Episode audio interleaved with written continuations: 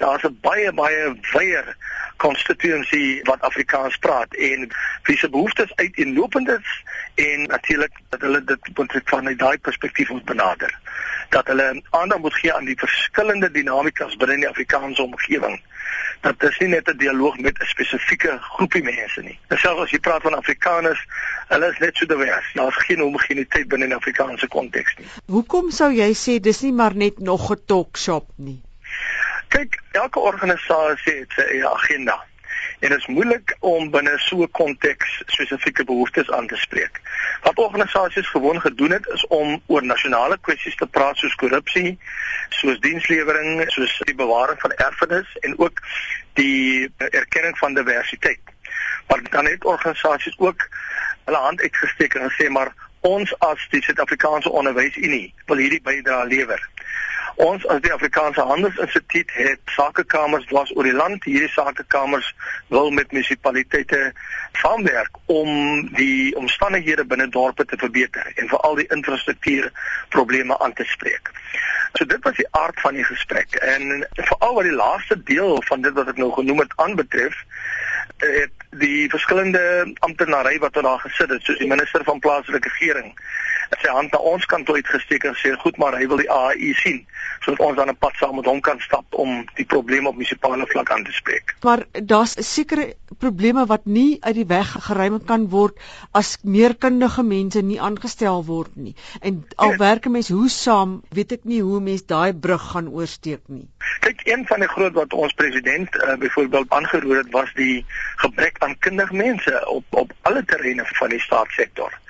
Die tweede ding is natuurlik ook die hele kwessie van korrupsie.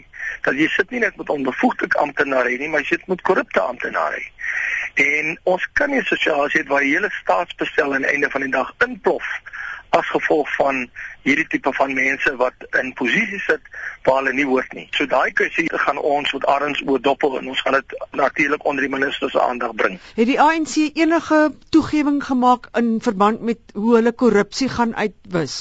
Kyk, baie interessant wat hulle beklemtoon het is die feit dat al hierdie sake wat tans dien waar korrupsie by betrokke is.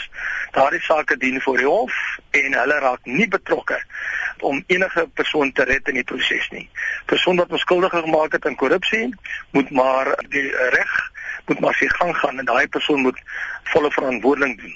So um, ek is bly daaroor dat hulle nie probeer om die regsprosesse te manipuleer nie en dat hulle hulle toewy tot die regsbeginsel dat die hof is onafhanklik en daai proses is in die hande van die hofamptenare.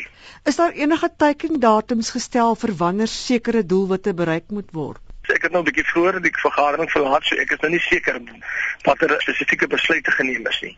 Maar wat ons president ook beklemtoon het, is die feit dat daar moet 'n proses in plek gesit word, daar moet 'n meganisme in plek gesit word om hierdie dialoog aan die gang te hou, maar ook om te kyk na spesifieke aksies. So as jy terugkyk, hoe sou jy sê hoe het die Afrikaner dialoog afgeloop? Kom ek sê so, daar was 'n bietjie van 'n polemiek rondom is dit Afrikaner of Afrikaners?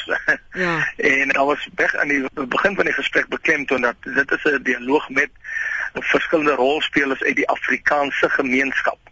Want daar was brein, daar was uh, wit, daar was lede wat ook heeltemal onafhanklik staan.